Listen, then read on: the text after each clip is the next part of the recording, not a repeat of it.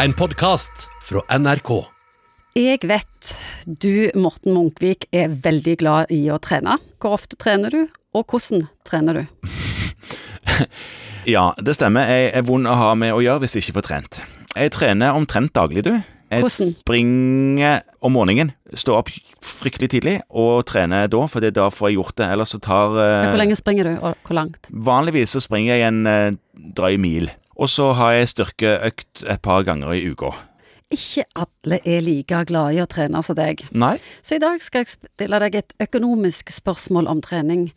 Hva trening gir best utbytte for en som er litt lat og ikke er glad i å trene? Ja. ehm, for det første, trening trenger ikke å være at du tar på deg treningstøy og svettebånd og betaler dyre dommer på Sats eller Alexia eller hva de heter, alle disse her. Ja, alt det. Det trenger du ikke. Det holder i massevis at du bruker kroppen litt mer i det daglige. Går av bussen på et annet stopp enn du skulle. Tar trappene istedenfor rulletrapp og heis og sånne ting. Og eh, er litt mer bevisst på det å bruke kroppen. Kanskje hvis du sitter mye foran TV og ser på skjerm i løpet av kvelden, prøv å gjøre det til en god rutine og bevege deg hver gang det er reklamepause. Det er faktisk veldig, veldig effektivt. Nå snakket du til de som liker å trene minst, og så har du de som trener litt. Hva er mest økonomisk? Hva, Kjempebra om du trener er det svømming, eller springing, er det intervall, Ja. eller kondis, Ja. eller sånn sakte jogging? Ja, altså det du har mest helsegevinst av, er nok intervalltrening. Og det holder at du gjør det en gang i eh, uken, men det er selvfølgelig bedre om du gjør det et par ganger i uken.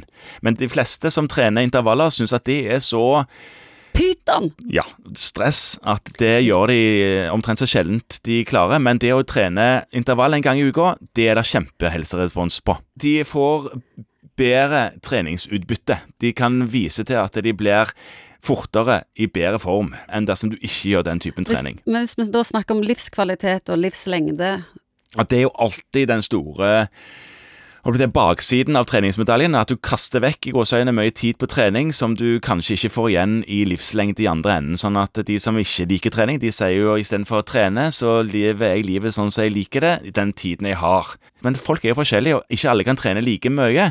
Og hvis du skal holde en form, så prøv å trene en gang i uken. Skal du ha en progresjon, tren en eh, to-tre tre ganger i uken i alle fall. Da kan det være at du kanskje klarer å bedre formen din litt. Hva trening er det da du anbefaler? jeg anbefaler egentlig kondisjonstrening, men jeg vet det er veldig mye bra, spesielt jo eldre en blir, i å gjøre styrketrening òg. Sånn, det burde en gjøre, men må ikke på et studio for å gjøre det. Det går an å bruke andre rekvisitter til å gjøre øvelser som en gjør klassisk på et studio. Når du har kommet i form, hvor lite kan du da trene etterpå for å vedlikeholde?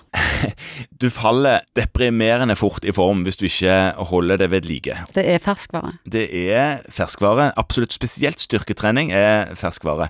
Det faller veldig, veldig brått, og det er grafer på dette. her. Det kommer selvfølgelig an på hvor utgangspunktet ditt er. Hvis du er toppidrettsutøver, så faller du bare du går ned til en eh, treningsintensitet på et par-tre ganger i uken. Da faller yteevnen din.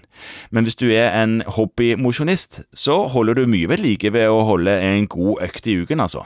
Ikke helt ved like, kanskje, men du, du, du faller ikke så fort da. Uansett, litt er bedre enn ingenting. Alt er bedre enn ingenting. Du har hørt en podkast fra NRK. Hør flere podkaster og din favorittkanal i appen NRK Radio.